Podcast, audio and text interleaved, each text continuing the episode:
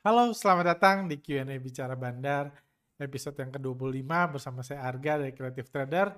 Pada podcast kali ini, saya akan uh, menjawab pertanyaan-pertanyaan yang masuk di sosial media kami. Ada pertanyaan tentang hajatan IPO ke depan, ya apa efeknya buat bursa saham, juga ada pertanyaan tentang mundurnya salah satu broker asing dari bursa kita, juga banyak yang bertanya tentang sosok uh, uh, sosok market maker yang yang apa ya, yang uh, yang banyak mengedukasi investor retail saat ini juga ada pertanyaan tentang salah satu uh, sosok uh, ideal, uh, sosok kok ideal, sosok bandar besar di bursa saham kita yang uh, beberapa tahun lalu dijatuhkan. Dan ada banyak pertanyaan lainnya. Oke, mari kita mulai.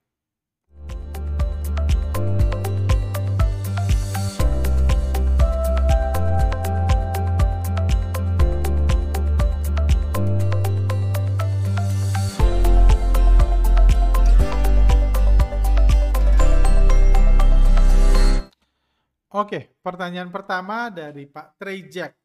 Minta pendapatnya tentang hajatan IPO besar-besaran yang akan terjadi di akhir tahun ini.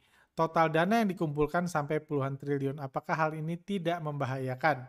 Kalau uang investor retail terus diserap oleh emiten, lama-lama uang yang berputar di market semakin sedikit. Investor retail juga tidak akan selamanya mau uang mereka diserap oleh emiten. Apakah BI sama sekali tidak melihat adanya resiko ke arah sini? Uh, bagus pertanyaannya. Nah, sebenarnya sih ya benar kalau skenario nya uh, perfectly seperti dijelaskan di sini tentu efeknya akan jelek. Di mana uh, perusahaan IPO dia masuk ke bisnis kuliner dan dia menjual sahamnya dan eh, saham yang dijual perusahaan pada saat IPO itu umumnya masuk ke kas perusahaan. Masuk ke kas perusahaan. Jadi uang yang tadinya di RDI, di dana investasi kita, uang yang tadinya kita uh, uh, alokasikan buat uh, trading saham keluar dari bursa masuk ke kas perusahaan. Tentunya kalau itu terjadi, tentunya itu bukan sesuatu yang baik karena uang yang berputar di bursa jadi berkurang.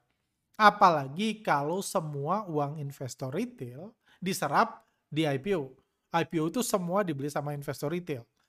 Itu akan merusak uh, merusak uh, apa rantai makanan di bursa kita. Bandar saham yang ada untungnya uh, bisa cari untung dari mana? Kalau semua retail uangnya masuk ke emiten.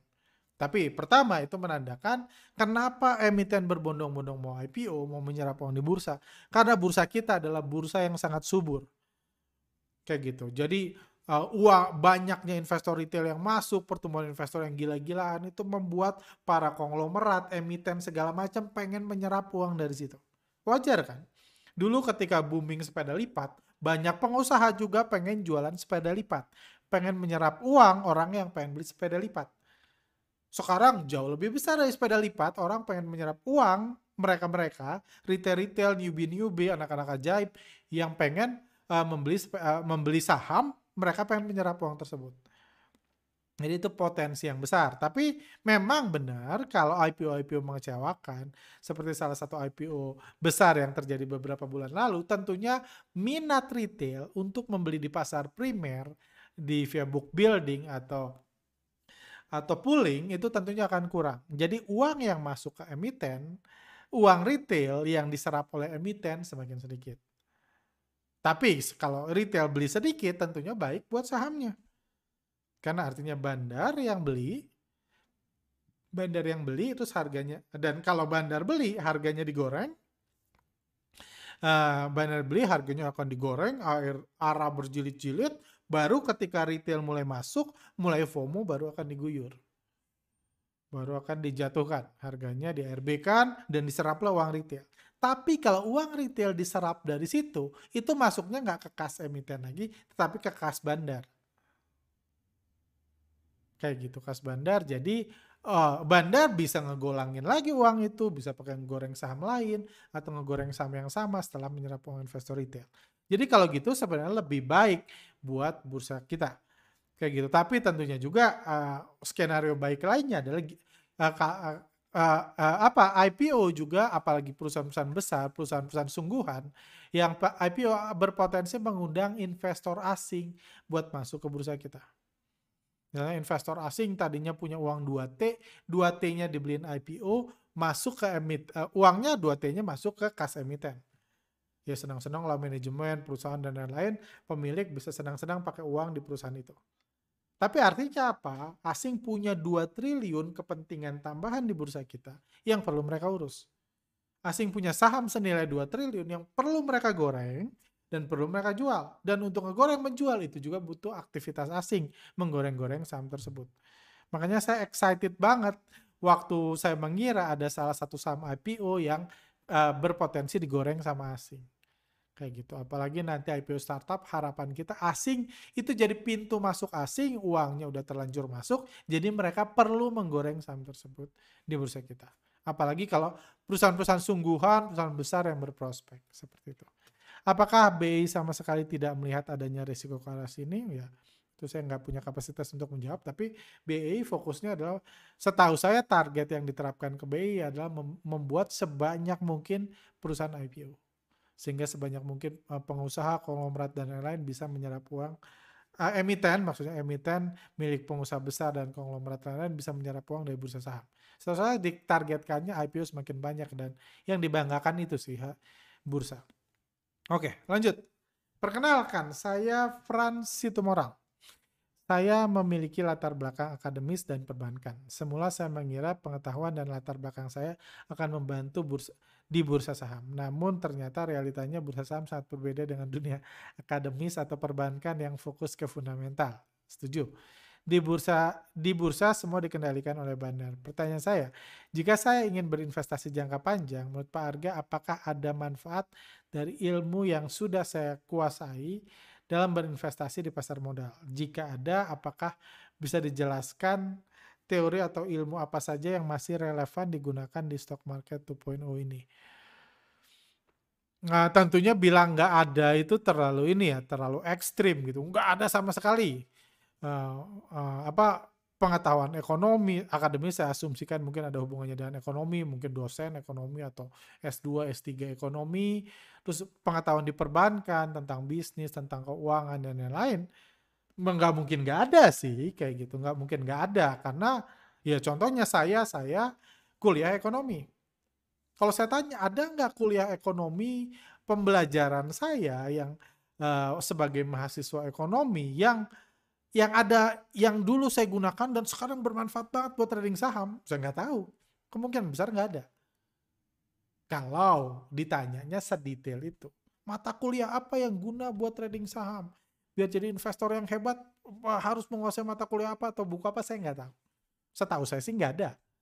Kayak gitu, apalagi di era stock market 2.0 ini. Tapi kalau saya membandingkan misalnya dengan istri saya yang arsitek, lulusan arsitektur, ternyata banyak banget yang saya pelajari yang dia nggak tahu.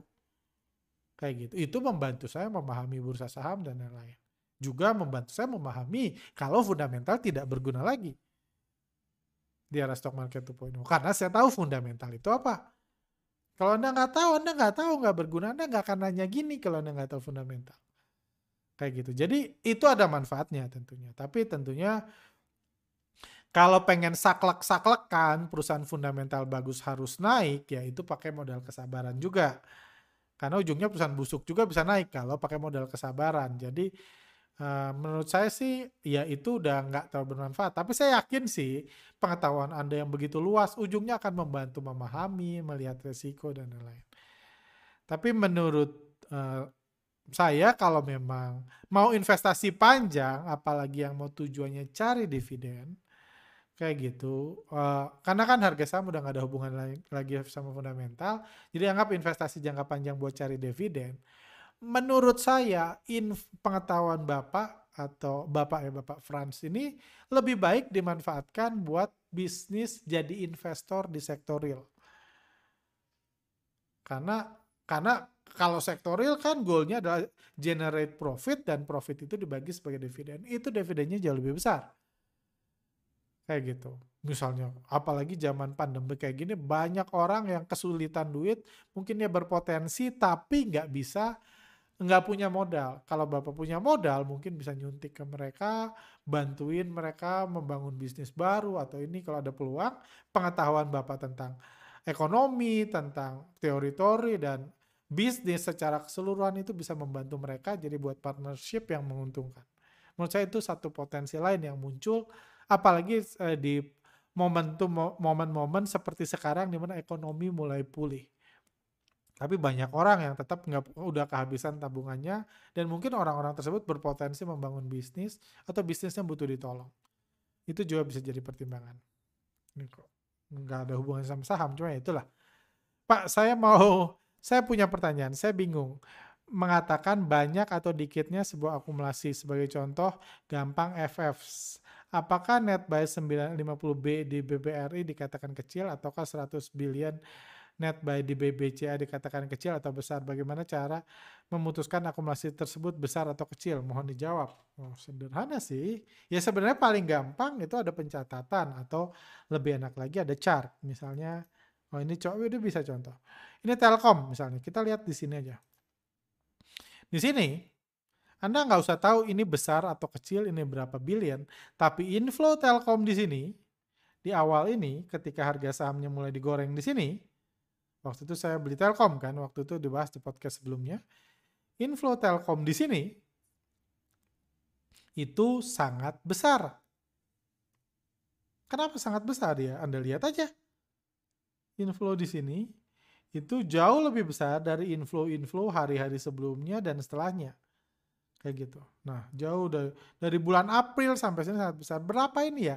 Kalau Anda mau lihat, Anda bisa lihat di sini. 313 miliar inflow di sini. Di awal-awal ketika harga sahamnya mulai digoreng. Ini jauh lebih besar dari sebelum-sebelumnya dan setelah-setelahnya juga nggak pernah sebesar ini. Tapi angkanya 313 miliar atau 370 miliar, 400 miliar tentunya nggak bisa dibandingkan dengan saham lain. Ya buat Telkom 313 miliar itu besar banget. Buat BRI nggak sebesar itu. Buat BCA nggak sebesar itu. Tapi buat S hardware itu sangat-sangat-sangat besar. Kayak gitu. Jadi memang besar kecilnya harus dibandingkan dibanding saham-saham lain gitu. Nggak bisa nggak bisa disaklekan 100 M besar 50 M kecil itu nggak bisa seperti itu karena memang setiap saham berbeda-beda ininya modal yang dibutuhkan untuk menggoreng sahamnya seperti itu lanjut Pak Arga, kalau berkenan mohon dijelaskan di next podcast kenapa ada saham yang bisa open di 120 padahal close hari sebelumnya 90. Enggak, gapnya lebar banget. Bagaimana cara kerjanya? Kalau tidak keberatan bisa dijelaskan mekanisme kerjanya. Thank you. Eh, uh, aduh susah ya saya menjelaskan harus. Nah, saya coba jelaskan ngomong kalau belum jelas mungkin nanti di podcast selanjutnya saya buatkan seperti powerpointnya kayak gitu. Jadi intinya memang benar bahwa uh, har bandar itu bebas mengatur harga. Hanya kemarin tutup di 90, hanya hari bu hanya karena hari Senin tutup di 90, bukan berarti bandar cuma boleh dagang di hari Selasa di 90. Mau buka di 120 pun bebas. 110 selama masih di batas otorijak atas ya. Kan bandar mah bebas. Jadi nggak ada urusannya. Penutupan di 90, mau dibuka langsung di ARB pun bebas. Itu murni kebebasan bandar. Gimana caranya? Caranya adalah melakukan transaksi besar di harga tersebut. Jadi misalnya, saya dengan Pak Franklin jadi bandar satu saham, tutup di 90. Saya dan Pak Franklin ini uh, kerjasama, kita sama-sama ngebandarin satu saham. Kita bilang, wah besok kita langsung buka di arah aja. Jadi apa yang saya lakukan, saya pasang antri jual pagi-pagi, di pre-opening sebanyak 100 ribu lot di 120. Pak Franklin juga beli di 120. Sebanyak 100 ribu lot. Dan dibanding harga-harga lainnya, itu adalah harga paling besar. Itu eh, yang antrian beli dan uh, apa transaksinya paling besar beli dan jualnya. Maka otomatis harganya di 120 pas buka. Itu sangat berguna. Jadi kita temenan tukeran Pak Franklin saya jual, Pak Franklin beli, udah itu ketika retail, wah ini langsung FOMO. Wah ini harganya bagus nih. Ini bakal terbang, ini fundamentalnya bagus, valuasinya kemurahan, udah golden cross, apa pun alasannya, Or, intinya orang pada pasang beli. Retail-retail ber, berharap besok auto reject atas lagi, auto reject atas lagi. Semua ngantri di 120. Pengen beli di level auto reject atas. Tadinya kita tukeran sesama teman tukeran 120 ribu, 100 eh, ribu lot ya, cuma bayar fee doang kan, kita satu tim. Setelah itu, setelah barang di Pak Franklin, orang pada beli, beli ngantri uh, 1 juta lot, ya Pak Franklin tinggal guyur, tinggal di ARB kan, tinggal diserap semua uang retail-retail FOMO tersebut kayak gitu. Karena apalagi retail sekarang senang banget tuh saham yang langsung auto reject atas di di hari-hari pertama retail-retail beli kita tinggal serap uangnya. Kayak gitu saham tersebut. Nggak ada urusannya sama perusahaannya bagus atau enggak, jadi mekanismenya kayak gitu. Intinya ada tra transaksi besar di harga yang sama di kisaran ya harga berapapun mau 90, mau 100, 110, 120 selama masih batas auto reject atas bandar bebas memutuskan di harga opening. Kayak gitu, mau open di berapa? Nggak ada yang bisa kita lakukan. Pak, mohon uh, update-nya apakah penghapusan kode broker di running trade akan jadi diberlakukan tanggal 6 Desember? Kalau jadi diberlakukan, apakah ini artinya analisa bandarmologi akan jadi analisa terlarang? Mohon update-nya. Jujur saya belum ada update tambahan. Kalau saya ada update, pasti langsung saya broadcast, pasti langsung saya share ke alumni. Cuma saya belum ada update tambahan sih. Uh, apakah akan jadi atau tidak, itu saya belum tahu. Bahkan ya saya masih bertanya-tanya sih apakah jadi atau enggak. Ya itu sih belum ada update. Cuman kalaupun jadi ya, ya kami udah riset dan lain-lain ya analisa yang kami lakukan memang nggak banyak berdampak. Kayak gitu analisa yang diajarkan di workshop nggak banyak berdampak karena memang workshop pun uh, analisanya pas end of day gitu. Workshop ada diadakannya malam-malam atau weekend jadi itu pun udah end of day. Saya bisa mencari saham menarik mengajarkan mencari saham bagus secara bandarmologi dengan data end of day jadi nggak mengganggu uh, uh, kalau jadi memang kebijakan menutup mata retail dengan menyembunyikan broker summary di running trade itu diberlakukan ya mengurangi kenyamanan ya. Saya prefer kebijakan ini nggak jadi cuman nggak terlalu mengganggu. Cuma eh, kalau jadi diberlakukan apakah artinya analisa bandar mulia akan jadi analisa terlarang? Bukan terlarang sih terlarang kan belum ada kebijakan di mana dilarang menggunakan analisa bandarmologi. Investor harus wajib tarik-tarik garis atau baca laporan keuangan. Nggak ada perusahaan kayak gitu. Cuman memang tujuannya dikurangi, dipersulit matanya ditutup satu. Memang tujuannya itu. Dan itu ya tujuannya baik untuk menjaga rantai makanan di bursa kita. Kayak gitu sih, saya belum tahu, cuma kalau ada update tambahan saya akan cari uh, kabari. Apakah trader perlu banyak monitor? Dan kalau iya, tolong jelaskan fungsinya kalau Pak Arga sendiri dalam trading dan sebagainya pakai berapa monitor. Uh, biasa tahu saya sih trader yang serius, uh, full time trader atau scalper biasanya pakai lebih dari satu monitor. Kalau zaman dulu sekarang biar kekinian apalagi yang mau buat-buat banyak uh, eh, IG live dan lain-lain biasa buat monitor besar kayak gitu yang melengkung. Saya pernah coba saya nggak suka. Saya lebih suka dua monitor yang bisa digeser-geser daripada monitor ke ke ke kekinian yang melengkung. Saya pribadi selalu pakai dua monitor. Monitor yang saya pakai biasanya yang berapa? 22 inch ada dua. Ya setahu saya mayoritas kayak gitu sih karena Sebenarnya kalau Anda pernah kerja pakai dua monitor, apa pun kerjanya, Anda akan malas lagi kerja pakai satu monitor.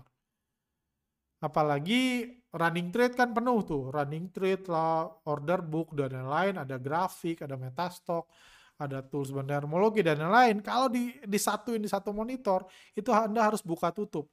Lihat running trade, buka chart dan lain-lain ribet. Jadi pakai monitor gede bisa dibagi-bagi dan seterusnya. Itu yang saya lakukan semua ini kalau Anda ke, eh, ke kantor kami hampir semua ada jauh lebih banyak monitor daripada manusia di sini. Hampir semua pakai dua monitor di sini. Walaupun kerjanya nggak trading, tapi semua yang trading pakai dua monitor. Jadi untuk buat nyaman aja sih. Saya juga kan kadang-kadang lagi di luar trading pakai laptop ya. Ya bisa juga sih, cuma nggak nyaman karena saya biasa pakai dua monitor kayak gitu. Trading pakai laptop jadi harus lihat dulu grafiknya lihat dulu bandarnya ngapain pakai tools ini baru lihat order booknya lihat running trade-nya ribet jadi lebih lama. Jadi buat efisiensi waktu aja sih kayak gitu. Uh, itu dan hal lain juga yang menurut saya bagus buat dua monitor itu Anda bisa tetap bekerja, tetap produktif kalau kerjaan Anda bukan trading sambil melihat market. Karena kalau pakai satu monitor Anda buka misalnya online trading itu, aplikasi online trading, semuanya udah penuh, Anda nggak bisa ngapa-ngapain. Kalau Anda mau ngetik di Word, semuanya ketutup. Kalau pakai dua kan sebagian bisa satu monitor bisa buat market, satu buat kerja yang lain. Itu juga menguntungkan. Gitu. Lanjut. Uh, Pak Arga, kalau boleh tolong share hasil Zoom meeting di FBUI di podcast selanjutnya. Bagaimana pandangan generasi milenial terhadap bandarmologi supaya uh, para alumni bisa dapat gambaran ke depannya semakin banyak mangsa atau pesaing. Sekali-sekali uh, bahasannya aman supaya IG-nya tidak dihack lagi. Ha, semoga dibahas. Terima kasih. Ah, Ya ini dua minggu lalu ya mungkin ini pertanyaan uh, udah udah cukup lama kali baru masuk baru kami masukkan maksudnya. Uh, waktu di di UI ya webinar UI sih sebenarnya mereka cukup welcome ya walaupun karena materi saya kepanjangan cuman uh, materi saya kepanjangan jadi Uh, nggak cukup banyak yang nanya untuk saya melihat respon. Kan kan saya nggak ngeliat mukanya saya cuma lihat dari pertanyaannya. Cuma dari pertanyaannya sih mereka cukup welcome cukup oke okay pertanyaan dan cukup memahami bandarmologi cuma ada satu juga yang bertanya tentang dosennya. Yang bertanya adalah dosennya yang mengatakan memang bursa saham sekarang memang udah nggak ada urusannya lagi sama yang dipelajari di teori S1, S2 dan lain-lain itu saya mengutip dari perkataan dosennya yang bertanya. Cuman yang saya lihat juga adalah belum ada tanda-tanda mau merubah kurikulum, materi, buku dan lain-lain. Ribet lah. Itu bukan kepentingan mereka sih menurut saya. Karena tugas mahasiswa tugas apalagi mahasiswa ekonomi bukan menjadikan dia trader yang paham, uh, trader hebat dan lain-lain itu jauh dari situ. Uh, jadi menurut saya sih nggak ada ke arah situ. Kayak gitu. Cuman ya sekarang sih mahasiswa pun udah ada yang paham bandarmologi walaupun lebih banyak yang tidak paham tentunya. Lanjut, penjahat-penjahat yang dilindungi, penjahat market maker di bursa efek. Menurut saya uh, bukan penjahat mereka pedagang sama seperti di pasar pagi yang menggerakkan harga. Agak lucu mereka kalau mereka tidak ada IHSG uh, kayak kayak jalan datar sampai kiamat. Nah, setuju sih, saya nggak setuju bandar dibilang penjahat. Menurut saya bandar hanya ya hanya investor atau trader yang cari untungnya dengan mempermainkan harga saham. Sementara ada investor dan trader lain yang uh, cari untungnya dengan cara either mengikuti bandar atau menebak-nebak arah pergerakan harga saham. Jadi kalau kita nggak dibilang jahat, kenapa bandar dibilang jahat? Menurut saya sama-sama tujuannya cari untung sih. Kayak gitu sih. Lanjut. Pak Arga, lebih baik mana? Milih emiten yang sahamnya 100% bisa diperdagangkan atau emiten yang sahamnya berdasarkan kisaran 20-70%. Menurut Bapak bagaimana? Bagus pertanyaannya. Kalau hanya kalau semua yang lainnya sama, jadi ceteris paribus ya semuanya dianggap sama, uh, ya saya prefer yang 20 sampai 70 persen atau 20 sampai 50 persen diperdagangkan, lebih sedikit diperdagangkan, sisanya berupa warkat. Saya lebih happy seperti itu. Semakin sedikit saham yang diperdagangkan, semakin dikuasai oleh pihak-pihak tertentu, semakin gampang dan ringan ngegorengnya. Kalau pilihannya hanya itu. Tapi bukan berarti hanya karena sahamnya 20% eh, yang ada di publik, saya langsung hajar kanan, enggak juga. 20% yang diperdagangkan bisa dari 20% itu 17 persennya retail ya sama-sama hancur harganya. Kayak gitu. Jadi itu hanya satu pertimbangan kecil, tapi kalau yang lain dianggap sama, antara 100 dan 20 saya akan pilih yang 20% sahamnya diperdagangkan, sisanya tidak bisa diperdagangkan. Kayak gitu. Lanjut. Menurut Pak Arga, sehebat apa Pak Beni Cokro di mata Pak Arga? Semoga dijawab sehat selalu Pak Arga. Wah, 56 yang like. Uh, dia idola saya. Uh, trader yang apa ya? Uh, ya itu idola saya sih gitu. Trader yang uh, singkatnya saya itu sangat mengagumi sosok Bapak LKH dari dari bukan gak, bukan value investingnya sih yang saya kagumi kan boleh milih kan saya nggak harus mengagumi semua tapi sosok beliau cara beliau mengedukasi prinsip beliau view beliau cara pikir beliau saya mengagumi banget Tapi sekagum-kagumnya saya dengan sosok Pak RK, saya jauh lebih kagum dengan sosok Pak Beni Cokro. Kayak gitu. Jadi menurut saya dia bandar yang luar biasa hebat yang ketika beliau uh, ditangkap transaksi di bursa turun sampai 30%, artinya sepertiga dari yang trading itu beliau dan partner-partnernya uh, di bursa saham pada saat itu dan ya, sekarang beliau sudah digulingkan dan ya itu sih Uh, ini ya, saya cerita aja. Dulu saya nggak yakin mau cerita ya cerita aja deh. Uh, saya sering ceritanya di workshop sih. Uh, jadi uh, beberapa tahun yang lalu ya di awal-awal sih ketika saya mulai trading waktu itu saya mulai ngelola dana orang buat di trading kan kayak gitu seorang mentor saya ngasih nasihat ke saya. Gak katanya. Gue kasih lu nasihat dia bilang. Uh, gue tahu lu ngelola dana orang buat di tradingin waktu itu kan ya dana terbatas dan lain-lain. Yes gue bilang. Gue kasih tahu ya kan lu gitu. Nah ini nasihat gue lu dengerin dia bilang adalah saran gue lu jangan ngelola duit dari orang yang lebih kaya dari lu misalnya saya trading saya ngelola uang orang kan tujuan saya adalah ngelola uang uang orang yang banyak duit yang kaya, yang miliaran, puluhan miliar duitnya. Jadi dia bisa injek, bisa uang yang dikasih modal tradingin kasih saya 1 M. Kan bagi profit kan untung kan. Dia malah nasehatin, jangan ngelola duit orang yang lebih kaya dari lu. Itu rulesnya. Terus saya tanya, kenapa? Bukannya mah ngapain saya baru lulus gitu ya. Ngelola duit mahasiswa-mahasiswa yang lebih kere dari gua, kapan gua kayanya, gue pikir. Kapan suksesnya ngelola mahasiswa-mahasiswa yang makan Indomie sama-sama makan Indomie gitu buat apa? Terus dia bilang gini, percaya sama gua, itu rulesnya kalau ngelola dana. Kenapa?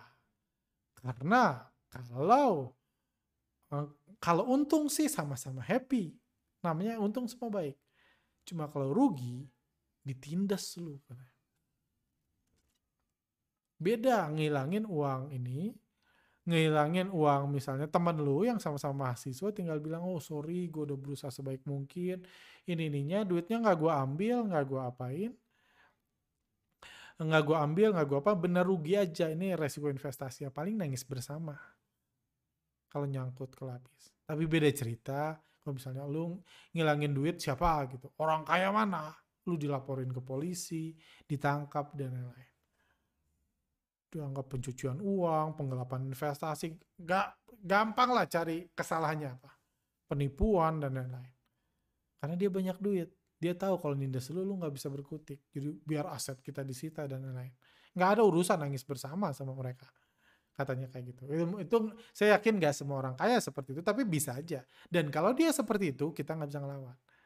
Itu nasihat yang dia bilang, berikan, nggak usah tangkap. Oh gitu ya agak godok sih dengarnya cuma oh gitu ya kayak gitu. Menurut saya dari begitu banyak hal hebat, jenius yang dilakukan oleh Pak Beni Cokro, satu rules itu tidak dia patuhi. Itu aja. Kayak gitu. Dia orang jenius yang jadi kunci sukses dari beberapa dana kelolaan dan lain-lain kayak gitu yang sekarang sudah dipilotkan kayak gitu dan ya itu sih menurut saya dia orang hebat kalau saya punya saya saya jadi ini kalau saya mengatur hukum saya lepaskan beliau supaya beliau bisa beraktivitas lagi secara normal karena saya penasaran banget strategi kayak apa yang akan dilakukan oleh beliau di stock market 2.0 ini kalau dulu aja dalam hitungan detik dia bisa ARA jadi ARB ARB jadi ARA bagaimana serunya kalau beliau ada lagi di sini saya kangen sih kayak gitu dan itu sih jadi sisanya sih sebenarnya nggak ada yang salah ya. Terlepas ya kembali lagi ya. Orang yang untung banyak akan membuat banyak orang iri, banyak orang kecewa. Karena mungkin karena dia untung, karena orang itu untung beberapa jadi rugi. Cuma nggak ada yang melanggar sih. Yang yang at least yang saya ketahui ya. Saya bukan penyidik yang tahu semua fakta. Cuma yang saya ketahui sih nggak ada yang melanggar kecuali rules tadi. Coba sesekali turun Pak Sekali room tour pak, suasana ruangan podcast, suasana kantor. Sehingga eh bisa dipikirkan sih di akhir tahun. nggak ada yang menarik sih. Kayak gitu. Pak, gimana apa pendapatnya tentang popularitas kreatif trader dan analisa bandarmologi yang jauh di bawah youtuber lainnya yang masih mengajarkan analisa tradisional? Padahal Pak Arga sudah setahun lebih mengajarkan bandarmologi ke investor di Indonesia. Apakah menurut Pak Arga konsep bandarmologi kurang bisa diterima oleh investor Indo atau mungkin karena kurang marketing aja? Karena saya nggak pernah lihat CT iklanin workshopnya di mana-mana. Kira-kira ada tidak rencana CT untuk grow bigger di tahun 2022 nanti? Yang terakhir ya banyak sih ide-ide, rencana-rencana uh, buat bertumbuh di tahun 2022. Uh, itu pertama banyak, cuma mungkin bukan marketing besar-besaran kayak gitu supaya orang tahu Google Ads dan lain-lain, YouTube Ads dan lain-lain di TV supaya muka saya di mana-mana supaya orang yang nggak kenal bandarmologi jadi kenal bandarmologi mungkin bukan itu ya karena kembali lagi saya memang harus menghormati uh, ini kan rantai makanan di bursa kita supaya ekosistemnya berjalan lancar. Jadi uh, ya kalau popularitas saya nggak keberatan karena saya justru khawatir kalau jumlah orang yang menganalisa bandarmologi jauh lebih banyak daripada yang narik garis, ngafalin nama candlestick, mewarnai, membaca laporan keuangan justru bahaya kan. Kalau semua ngikutin bandar, siapa yang jadi korban bandar? Siapa yang menyenangkan bandar? Tentu itu justru nggak baik buat ini dan ya saya pribadi sih tahu kalau bandarmologi sebaiknya keep it low. Bahkan ada banyak kesempatan, banyak opportunity yang dilihat orang untuk yuk gue bantu populerkan supaya workshop lu rame, supaya produk lu rame, supaya ini banyak penawaran seperti itu. Tahun ini aja banyak. Kayak gitu. Intinya kerjasama melihat mereka mungkin melihat potensi yang sama. Cuma saya bilang ini bukan buat mainstream YouTube ini aja udah big banget ya udah saya lakukan ngomong bisa didengerin 10 ribu orang dan lain-lain itu aja udah besar banget kayak gitu bahkan workshopnya materi workshopnya pun saya hati-hati banget bahkan sampai minta maaf di podcast kemarin untuk sharing ke uh, retail retail kayak gitu karena ya ya bukan buat mainstream sih kayak gitu karena betapa hancurnya ini apa uh, ekosistem atau rantai makanan kalau semua jadi copet kan. Terus siapa yang di ini kan? Jadi tentunya itu nggak baik kayak gitu. Jadi diiklankan sih saya rasa nggak ya kalah bersaing nggak apa-apa. Kayak gitu karena bagaimanapun youtuber-youtuber lain yang menganalisa fundamental itu menjaga ekosistem menjaga rantai makanan di bursa. Jadi ter terus saya dukung. Jadi grow bigger itu arahnya lain bukan ke marketing besar-besaran dan lain-lain Izin bertanya Pak Arga, lagi-lagi saya newbie. Kok lagi-lagi ya? Uh, Pak, Pak Arga sempat uh, menjelaskan bahwa TA tidak penting. Yang tetapi sepengalaman uh, sepengalaman saya yang minim ini saat asing akumulasi kebanyakan harga ditahan sideways maupun diturunkan terlebih dahulu. Enggak juga sih, cuma lanjut aja. Bila tidak menggunakan TA untuk menentukan titik entry, bagaimana ya Pak? Karena menurut Bapak kan analisa dimulai dari periode awal akumulasi kita masuk. Sementara biasanya setelah 2-3 hari akumulasi sahamnya di, terkadang naik 5-10%. Hal tersebut dirasa lumayan bagi retail. Sementara jika entry di hari keempat, walaupun akumulasinya biasanya diturunkan misal 35%. Walaupun akumulasi di hari keempat, uh, oke, okay, Uh, biasa diturunkan misal 3 sampai 5 persen. Hal tersebut jelas mempengaruhi psikologi retail newbie. Pertanyaan pokoknya tadi Pak bagaimana titik entry-nya? Terima kasih. Oke, saya coba pahami.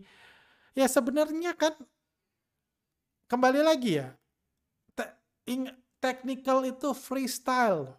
Nggak ada kata technical ini entry nggak. Kalau Anda ngomong technical ya karena technical itu ada yang beli di support, ada yang beli di breakout. Artinya ada yang satu nunggu turun, ada yang satu nunggu naik. Mana yang technical? Dua, dua technical. Jadi ujungnya adalah perasaan Anda, feeling Anda, keinginan Anda yang menentukan. Cuma sering kali keinginan Anda itu dipercantik dengan coret-coret. Wah udah breakout, wah udah support, wah udah di MA 20, MA 50, atau ngeliat-ngeliat apa gitu. Kayak gitu supaya, wah untuk konfirmasi keinginan Anda jadi pertama Anda sudah melihat akumulasi 2-3 hari, udah itu Anda pengen masuk, terus Anda coret-coret. Oh bagus nih masuk, beli.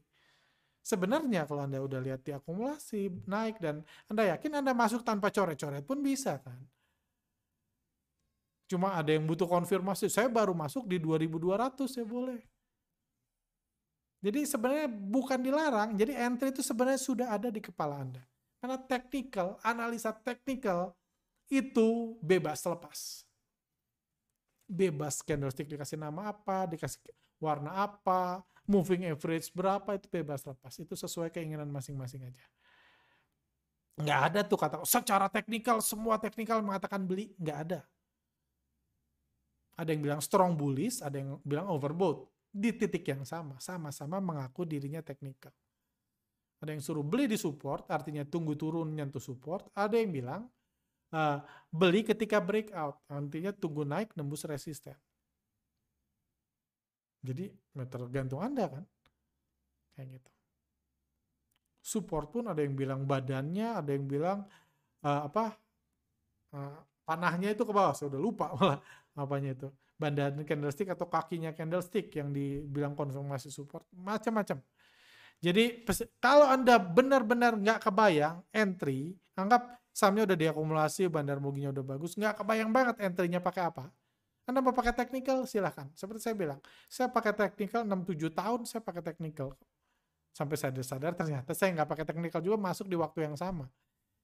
Semua cuma seru-seruan aja saya coret-coret uh, meluangkan apa ya kreativitas atau uh, daya seni saya. Kayak gitu. Jadi bukan menentukan saya masuk di mana. Kalau saya, atas minta pandangannya tentang window dressing 2021 ini. Sekarang IHSG sudah all time high.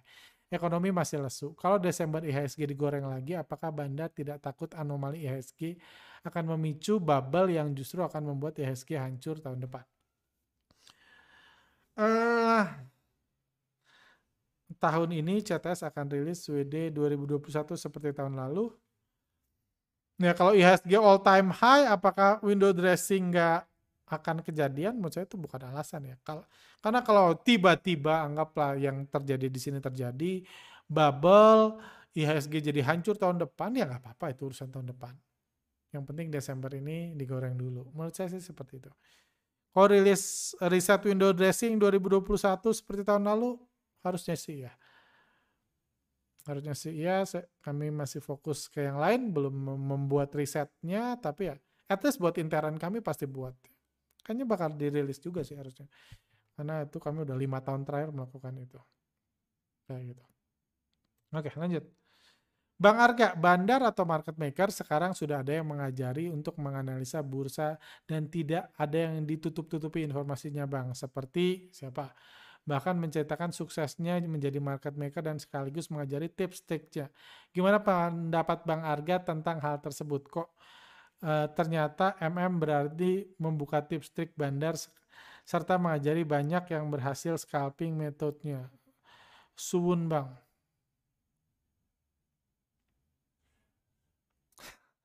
Susah saya menjawab ini.